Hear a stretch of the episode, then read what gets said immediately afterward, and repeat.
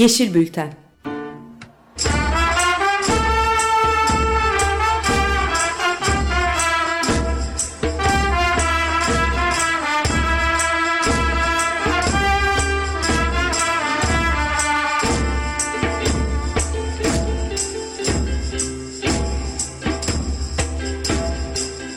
Hazırlayan ve sunan Utku Zırı. 18 Şubat 2021 günlerden Perşembe saatler 11'i gösteriyor. 95.0 Açık Radyo'dasınız değerli dinleyenler. Ben Utku Zırı, Teknik Masa'da Feryal Kabil bu haftanın Yeşil Bülteni'ni bizi her nereden dinliyorsanız eğer oraya misafir etmeye gayret göstereceğiz. Ee, hemen bu haftaki konuğumu da tanıtayım. E, Fevzi Özler bugün konuğumuz. Merhaba Fevzi, hoş geldin. Merhaba, nasılsın Utku?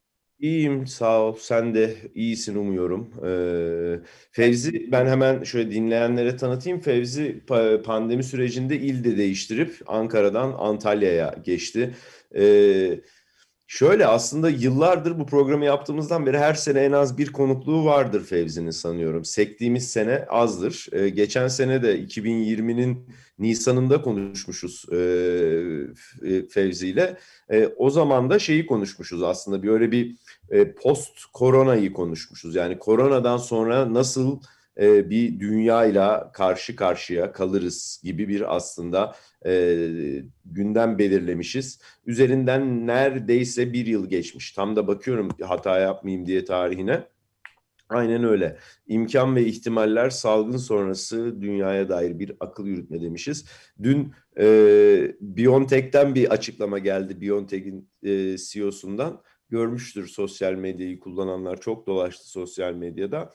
E, diyorlar ki 2021-2022 falan değil önümüzdeki 10 yıl boyunca bizimle kalacak bir virüsten bahsediyoruz aslında diyor bir taraftan. Bambaşka tartışmaların içinde aslında dünya. Şu açıdan söylüyorum. Ee, yani e, ne yapacağız biz bu Covid denen arkadaşla? Nasıl yöneteceğiz bu süreci? Aşılar nasıl üretilecek? Hangi ülkelere, kimlere ulaşabilecek? Devasa tartışmalar var. Yani bir pandeminin içindeyiz hala. Ama koca bir yılı da pandemiyle geçirdik. Ee, evet bu geçen bütün bir yılı da konuşma fırsatı olur diye düşünerek Fevzi'yi çağırdım. Fevzi daha evvelki programlarda aslında daha e, bu kez daha özgür bence Fevzi. Yani sıfatsız bir biçimde e, şeyde aramızda. Yani daha önce ekoloji kolektifi e, olurdu, çevre ekoloji hareketi avukatları olurdu. Yani pek çok farklı e, şapkalar taktı ama şunu söyleyebilirim. Türkiye'de uzunca bir süredir e, başlayan ve devam eden e, yerel ve ulusal çevre ekoloji hareketlerine, aktivizm tarafına işin e, ve hukuki tarafına çok emek vermiş bir insan Fevzi. Böyle de tanıtmış olayım kendisini. Ve şöyle ilk e, değerlendirmeyle de başlayayım. Zaman zaman bölersem kusuruma bakmasın. E, bütün bir yıl boyunca e, çevre ekoloji hareketlerinden bizim hatırımızda kalan jandarmalarla köylülerin karşı karşıya kaldığı anlar oldu. Maskeler var ama yani tabii ki bir sosyal mesafe falan söz konusu değil.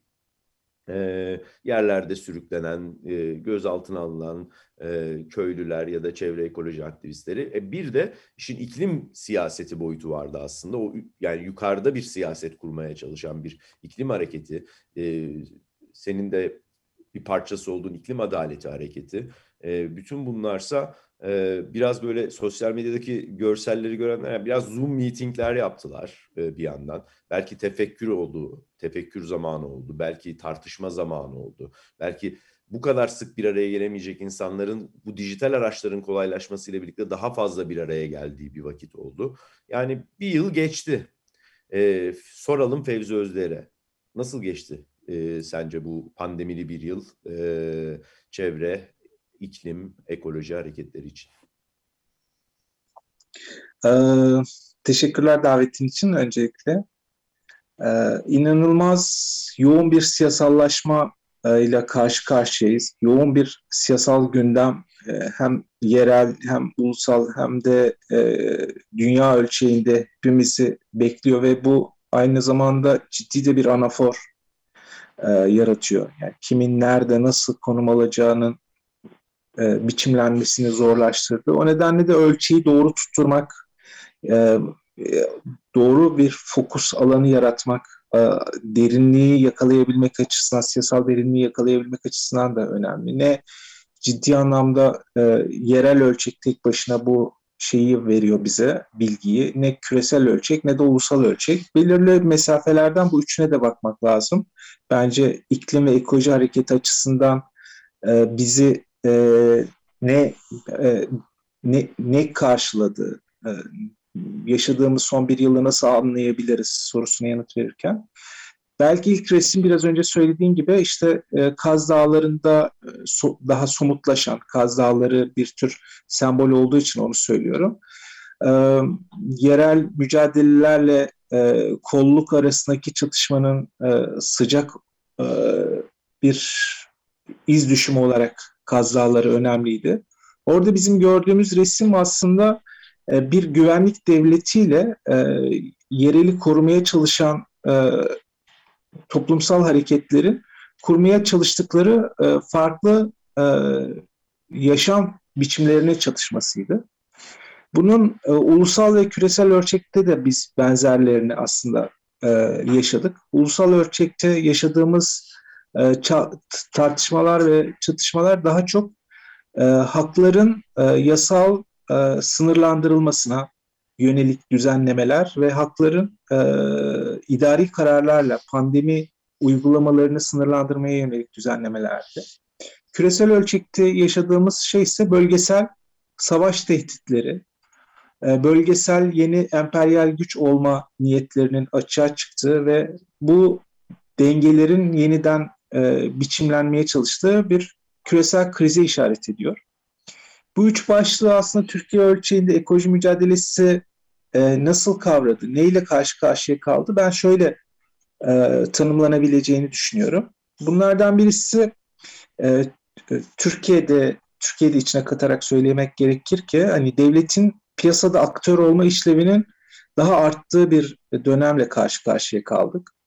E, klasik anlamda yani, liberal hukuk devletleri ya da işte piyasa piyasacı toplumlar için söylenen işte devletin göreli rolünün azaldığı, şirketlerin e, piyasadaki rolünün arttığı daha düzenleyici bir e, aktörleşmeden bahsedilirken aslında pandemi daha çok devletlerin daha etkili bir biçimde görünür olması, yani güvenlik devletinin daha görünür olmasını e, mümkün hale getiren bir siyasal zemin sağladı.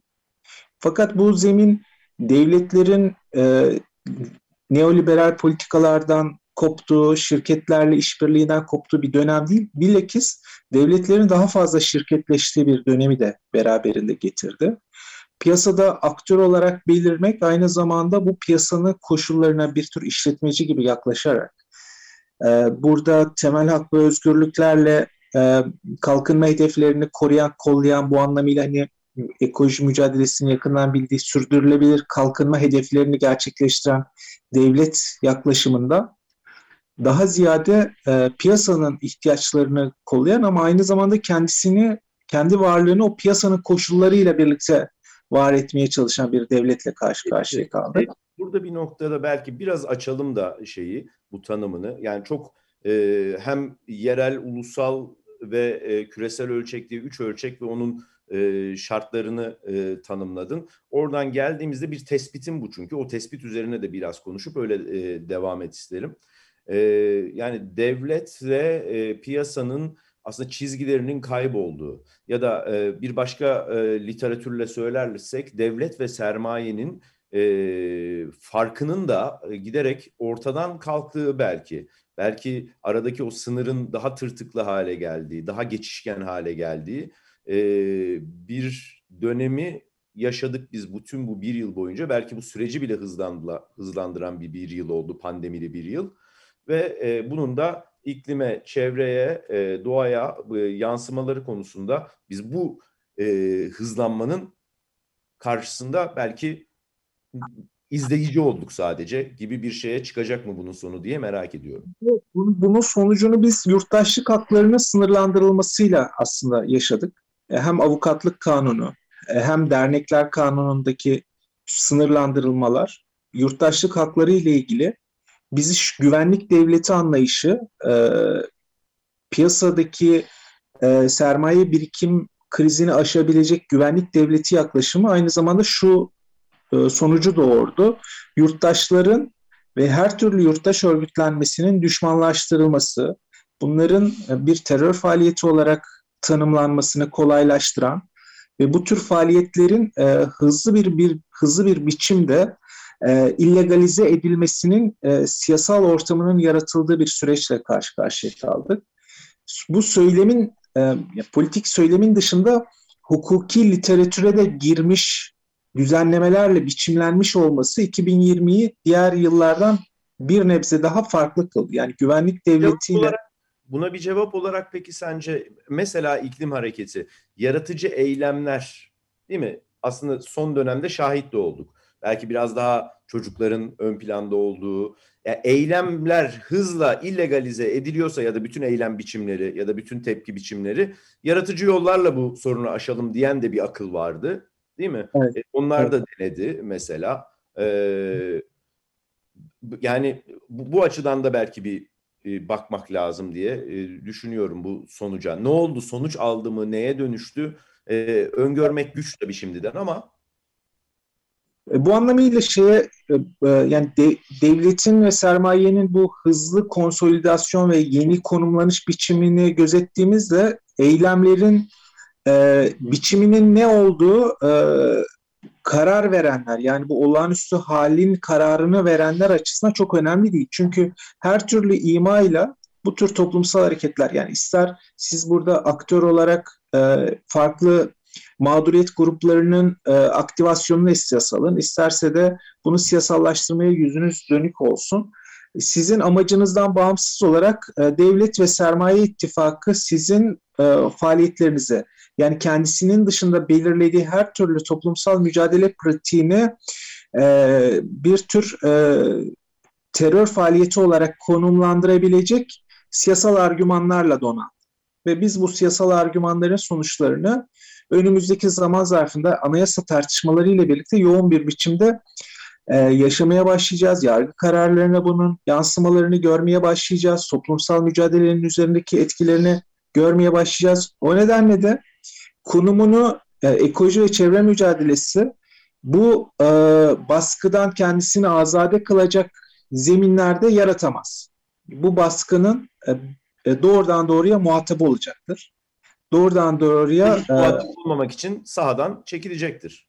Ya da sahadan çekilecektir. Yani ikisi de ikisi de güçlü biçimde bu iki eğilimde gerçekleşiyor zaten. Yani hani e, 2020'ye baktığımız zaman ekoloji mücadelesinin ciddi anlamda e, bu anlamıyla e, politik arenadan yani toplumsal alandan değil de politik alandan çekilmesine yönelik e, bir söylemin e, içinde e, var olmaya çalıştığını biz gözlemliyoruz. Hani işte biraz önce senin söylediğin tarz iklim hareketi mücadeleleri aslında biraz önceki vurguladığın e, durumla çok yakından ilişkili. Yani hani ölçeği biz küresel ölçeğe taşır, sorunu, problemi küresel ölçekte tanımlarsak e, ulusal ölçekte devlet ve e, şirketlerin koyduğu şiddet tekelinden azade bir siyasal alan yaratabiliriz e, gibi bir strateji işliyor ki bu stratejinin e, hiçbir e, siyasal gerçekliği yok. Bu siz böyle bir e, zemin tanımladığınız anda Türkiye'de siyaset yapma olanaklarınızı zaten yitiriyorsunuz. Türkiye'ye hitap edebilecek söz söyleme kabiliyetlerinizi yitiriyorsunuz ve Türkiye'deki siyasal gündemin dışına çıkıyorsunuz. Ee, uluslararası e, alanda söz söylemeye başladığınız anda da doğal olarak aslında yapabileceğiniz şey e, ya Amerika'ya ya yani uluslararası emperyalist odaklarla e, muhatap olan bir blok söylemi inşa etmek. Bu da tabii ki bir tür gongo siyasetini gündeme getirebilir. Yani e, tam da işte Türkiye'nin kendisini yeniden konumlandırdığı yani bölgesel güç dengesi olması açısından yeniden konumlandırdığı bir hatta e, Türkiye devletini eleştirmeden sadece uluslararası e, emperyal blokları eleştirmeye yönelmiş bir siyaset dili de e, bu anlamıyla e, ulus devletin, Türkiye'nin e, küresel iklim e, rejimindeki etkilerinin ve e, aldığı konumu e, önemsizleştiren, değersiz, değersizleştiren ve bu bunu e, parantez içinde söylemek gerekirse aklamaya yönelen bir siyasal ortamı gündeme getirir. Tam da o halde yani bu üçlü e, kat, üç katmanlı yapıda yani küresel, ulusal ve yerel e, küreselde ve yerelde aslında sorun yok. Yani yerel jandarma ile bile karşı karşıya kaldı pandemi döneminde. Evet. Küreselde akan e, bir iklim gerçeğini daha çok kabul e, hem karar vericiler ölç ölçeğinde hem de e, insanlar, yurttaşlar ölçeğinde. E, ama ulusalda bir yani sorunun kümelendiği yer ulusal gibi bir sonuca çıkıyorum ben aslında buradan. Peki şimdi tam da bu o zaman ulusal iklim siyaseti, ulusal ekoloji siyaseti diyelim. E, ya ben mesela bu sohbeti açan konu şu oldu. Dinleyenlerle de paylaşalım. E, ya İzmir mesela hızlandırılmış bir iklim değişikliği e, gerçeği yaşıyor e, şu anda. Sel gördü, fırtına gördü, do, yani hortum vurdu, acayip dolular yağdı, müthiş bir e, zirai donla karşı karşıya. Yani hani iklim değişikliğinin bütün yıkıcı etkilerini bir bünyede bir anda toplayıverdi aslında ama mesela ne iklim siyaseti ne e, ekoloji siyaseti buna karşı bir e, hareket ya da bir herhangi bir eylemlilik doğrudan veya dolaylı e, kuramaz haldeymiş diye düşündüm ben açıkçası. E, bu birazcık şununla ilgili. Bu 1990'lı yıllarda belki 2000'lerin başına kadar bunu söylemek lazım. Türkiye'de ekoloji mücadelesinin daha ulusal bir karakteri vardı. E, bu karakterde aslında ulusal karakter dediğimiz şey e, ekoloji sorunlarını yaratan sermaye kadar devletin ve devlet yönetme biçiminin, iktidar etme biçiminin yöntem ve üslubuna karşı ekoloji mücadelesinin bir siyasal e, yolu ve e, yönergesi vardı. Yani yönelimi vardı. Bu yönelim 2000'li yıllardan itibaren ciddi anlamda aşındı ve şu anda e, ekoloji mücadelesinin ulusal anlamda bir siyasal programı olduğunu söylemek mümkün değil. Daha yerel ölçekli siyasal programlar var ya da daha küresel ölçekli programlar var. E, bütünlüklü olarak ekoloji mücadelesi ulusal çapta nasıl bir siyasal yönetime yönelmiş tartışması e, işin açıkçası e, gündemde devre dışı durumda. Bu da e, demokratik hakların sınırlandırılması, temel hak ve özgürlüklerin sınırlandırılması, siyasal hak arama mücadelelerinin e, terörize edilmesi ya da düşmanlaştırması politikalarına karşı etkili bir demokratikleşme talebinin ortaya çıkmamasına neden oluyor. Bir de şimdi ulusal ölçekte siyasetin aslında yapılabileceği kurumları da belki bir konuşmak lazım. Nerede yapılabilir ulusal ölçekte bir program nasıl ortaya çıkabilir? Bir e, dünya demokrasi de insanlık demokrasi deneyiminin diyelim e, geldiği sonuçlardan biri parti modeli. Değil mi? Evet. Yani bir e, siyasal parti içerisinde bunu yapabilirsiniz. Dernek ve vakıflar soyundu bu göreve. E, yakın tarihte yapan, yapmaya çalışanlar oldu. Var hala. Evet ama şöyle bir düşündüğümüzde bunları bir tarasak diyorum şöyle. E, iki tane Yeşil adlı e, siyasal parti var e, Türkiye'de. Mesela onlar buraya bir talip demek ki. Yani Yeşiller Partisi ve e, Yeşiller Sol Gelecek e, Partisi, Yeşil Sol Parti. E, orada bir net bir ta, talibiyet var mesela ulusal siyasete. Dernek ve vakıf ölçeğinde de yani bunu yapanlar var. O hacimde olanlar var en azından. Onları hiç hani şey yapmayalım şimdi bilen, takip eden biliyor zaten sen de dahil. Ee, nasıl yapılır? Yani bu kurumlarla e, böylesi bir ulusal siyaset ya da ulusal e, ekoloji siyaseti yönergesi çıkabilir mi? Yani önümüzdeki dönem bir anayasa değişikliği tartışmaları var. Hani bunun e, önümüzdeki çıta sermaye devlet ittifakının önümüzdeki çıtası e, güçlendirilmiş yürütmenin e, anayasal ifadesini yani Cumhurbaşkanlığı sisteminin e, etik kimliğe büründürdüğü bir anayasal değişiklikler süreci bizi karşılayacak. Bugüne kadar ekoloji mücadelesini yerelde ve ulusalda taşıyan örgütlenmeler aslında şunlar. E, üniversiteler, üniversitelerin içindeki e, akademik kadrolar. Bunların önemli bir kısmı zaten biliyorsunuz barış imzacıları olarak e, tasfiye edildi ama hala hazırda hala üniversitede yetişmiş insan gücü bağımsız bilgi üretmeye çalışan, bilimsel bilgiyi toplum yararını kullanmaya çalışan kesimler, gruplar var.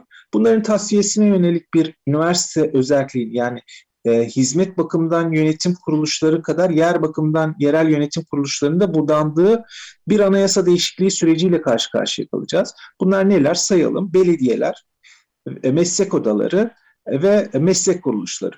Bunlar merkezi otoritenin güç kullanımı dışında anayasal olarak tanımlanmış e, güç kullanan, devlet gücü kullanan organlar. Bu organların e, mevcut e, sermaye birikim krizinin önünde engel olduğu tanımlanıyor bu şirketleşen devlet yaklaşımı tarafından. İkincisi ne? Toplumsal güçler yani sivil toplum kuruluşları. Bunlar da e, bunların dışında yani toplumsal güçler dediğim siyasal partiler ve toplumsal güçler sivil toplum kuruluşu olarak bunlar senin de vurguladığın gibi kendisini dışa çıkartıyor, işte açığa vuruyor. E, iki, iki, iki süreç bir bir arada işliyor. Bunlardan bir tanesi e, üniversitelerin, meslek kuruluşlarının e, ve belediyelerin e, devlet gücü kullanma etkisinin e, ortadan kaldırılması, bunun en üst organı anayasa değişiklikleriyle somutlaşacak. Biz 2020 yılında bu değişiklikleri e, yasal boyutunda avukatlık kanununa yapılan müdahale, dernekler kanununa yapılan müdahale ve çevre ajansına yapılan değişikliklerle gözlem gözlemledik, gördük. Yani hani e, yer, yerel yerel e, yer bakımından hizmet kuruluşu olan meslek kuruluşlarının yetkilerinin sınırlandırılması ve budanması yani e, çevre ve iklim alanındaki faaliyetlerinin ortadan kaldırılması. Yani bunlar neler? Avukatlık örgütlenmeleri e, kadar diğer sağlık örgütleri, mühendis örgütleri de e, çevre ve kent alanında dava açamasın, bu alandan dışına çıksın. Bu bununla karşı karşıya kaldığımız bir sürecin yasal dönüşümünü yaşadık biz avukatlık yasasıyla.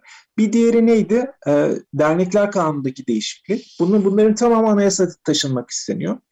Bir, bir diğer yanı da e, sivil e, toplumsal örgütlenmeler yani derneklerin ve e, siyasal partilerin dönüştürülmesi. Yani bu bir yanıyla buna biz STK'laştırma siyaseti diyebiliriz. Yani devletin merkezi güç olarak bir yürütme organı olarak açığa çıktığı sürekleşmiş olağanüstü hal yönetim zamanlarında ki önümüzdeki dönem işte Pfizer'ın açıklaması küresel düzeyde bir sürekleştirilmiş olağanüstü hal yaşayacağımızın işaretidir ve buna uygun devlet ve şirket organizasyonları kökleşmeye başlıyor. Yani bu yanıyla da bu hareket yani Türkiye'deki e, eğilimler ve gelişmeler e, küresel aktörleşmenin yani küresel kapitalizmin bir bileşeni olarak bu, bu süreçle uyumlu ilerliyor. Bunun aktörleri de bu küresel süreçle uyumlu bir faaliyet ilerletiyorlar. E, siyasi partilerin giderek daha fazla STK'laştığı, STK'ların da birer teknik uzman faaliyetine dönüştüğü e, bir toplumsal örgütlenme alanıyla biz karşı karşıya kalıyoruz. E, temel hak ve özgürlüklerin, demokratik siyasal alanların sınırlandırılmasına yönelik talepler bu mücadele zeminlerinden kovulduğu sürece e, devletin e, piyasada aktör olma, şirketleşme ve yurttaşlık haklarını sınırlandırılarak sermaye birikiminin hızlandırılması süreci e, bir süreklilik kazanmış olacak. Yani önümüzdeki dönem bir olağanüstü hal yani adı konulmamış hem hukuk devleti sürecinin yani şirketlerin sermaye birikimi için işleyen bir hukuk devleti süreci ama yurttaşların temel haklarını kullanamaması için de istisnalaştırılmış, olağanüstüleştirilmiş e, bir e, önlem devleti, güvenlik devleti stratejisi işleyecek. Fevzi, e, şunu söyleyelim. Bir Wall Street'in e, sloganıydı değil mi? We are 99. Yüzde 99 var bir tarafta. Yani ayırmayalım hadi. Yani insanlığın penceresinden baktığımızda e, bir yüzde birin çok zengin olduğunu görüyoruz. Değil mi temelde? Evet. Bir yüzde 99'unda ancak o yüzde bir kadar bir payı bölüşebildiğini görüyoruz. Yani şimdi bu denge e, de o yüzde bir devlet denen e, insanlık mirası mekanizmayla çok daha fazla entegre oldu ve entegrasyonunu hızlandırdı belki de son bir yılda. Böyle bir tespitle kapatıyoruz programı. Yanılmıyorum sanıyorum. E, ve e, bugün o yüzde 99'un gerekli tool'ları bulup e, bu e, şeyde entegrasyonda diyelim kendini e, ve kendi haklarını ve kendi e, isteklerini, arzularını bir şekilde masaya koyması lazım. E, bunu da ulusal ölçekte e, mekanizmaları var şu anda. Ulus devletlerin olduğu bir dünyada yaşıyoruz diyelim. Süremizi aştık. E, ama bir cümle e, edersen eğer bir cümlelik bence radyo bize e, tevazu gösterir bu konuda. Yani ben süreyi aşmak istemezdim kusura bakmayın öncelikle. Ee, yani bu sorduğun sorunun yanıtı evet ulusal ölçekte e, bu yaşadığımız küresel ve bölgesel ekolojik krize müdahale edebilecek temel strateji e, demokratik bir haklar ittifakı temelinde biçimlenecek. E, bu toplumsal mücadeleler, siyasal mücadeleler ancak kendisini e, bu açıdan yani siyasal bir proje temelinde yan yana getirebilirlerse, Türkiye açısından bir imkan olarak belirlenebilir, belirleyebilirlerse kendilerini, e, Türkiye'deki bu e, anaforu dönüştürebilecek bir potansiyel ortaya çıkar. Fevzi çok teşekkürler. Çok sağ ol. Yani benim açımdan keyif veren bir sohbetti. Umarım çok bölmedim lafını. E, radyonun da sınırlarını çok zorlamadan veda edelim. Bu hafta Yeşil Bülten'de konuğumuz Fevzi Özlüer'di. Önümüzdeki hafta yine aynı saatte 95.0 Açık Radyo'da görüşmek dileğiyle. Hoşçakalın. Hoşçakalın.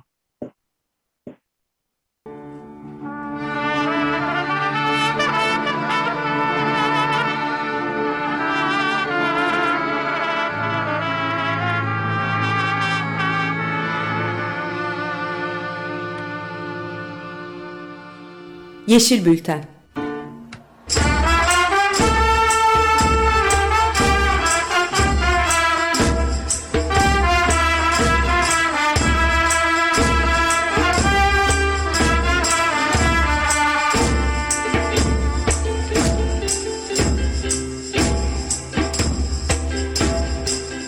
Hazırlayan ve sunan Utku Zırı